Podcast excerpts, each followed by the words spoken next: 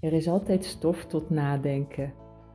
Vanochtend deed ik de gordijnen open en zag ik op de grond allemaal pluisjes stof liggen. En de kamer is niet zo lang geleden helemaal schoongemaakt. En ik dacht, hè, hoe kan dat?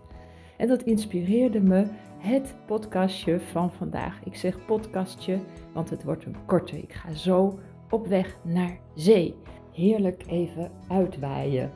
En het thema van vandaag vond ik dus interessant, want ik dacht, wij als laadbloeiers hebben de neiging misschien om heel erg te gaan malen, alles te overdenken en die hersenspinsels blijven maar spinnen, spinnen, spinnen totdat we een ons wegen. En dat is natuurlijk niet de bedoeling. Wat wij willen als laadbloeiers is juist dat uitwaaien van onze gedachten, zoals ik dat vandaag ga doen aan zee. Stof in de bovenkamer doet niemand goed. Als jij de neiging hebt om alles heel erg door je hoofd te laten gaan, zit te pijnzen en allerlei dingen van het verleden door je hoofd te laten gaan, het zit over te denken, dan wil ik je uitnodigen om vandaag ook eens wat wind door je hoofd te laten blazen. Zoals we gisteren zagen, komt inspiratie van inspirare.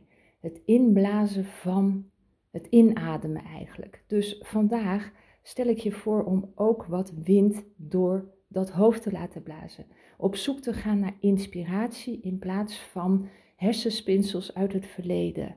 Dat je het bovenkamertje een beetje gaat ontstoffen en dat je samen met mij gewoon lekker aan zee uitwaait.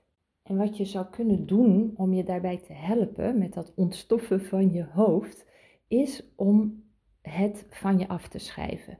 Je pakt uh, papier en je schrijft alles op.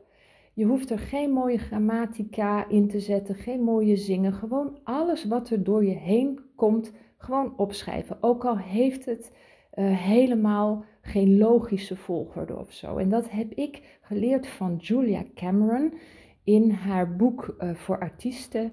En zij noemt dat de ochtendpagina's, de uh, morning pages. En je schrijft dus als het ware alles van je af voordat je aan de dag begint. En ik heb dat maanden en maanden lang gedaan en dat hielp enorm. En ja, dat stel ik jou voor om vandaag ook eens uit te proberen. Of gewoon naar buiten te gaan en vooral jezelf te focussen op inspiratie. Jezelf af te vragen, wat inspireert mij vandaag? Wat blaast er vandaag leven in mij?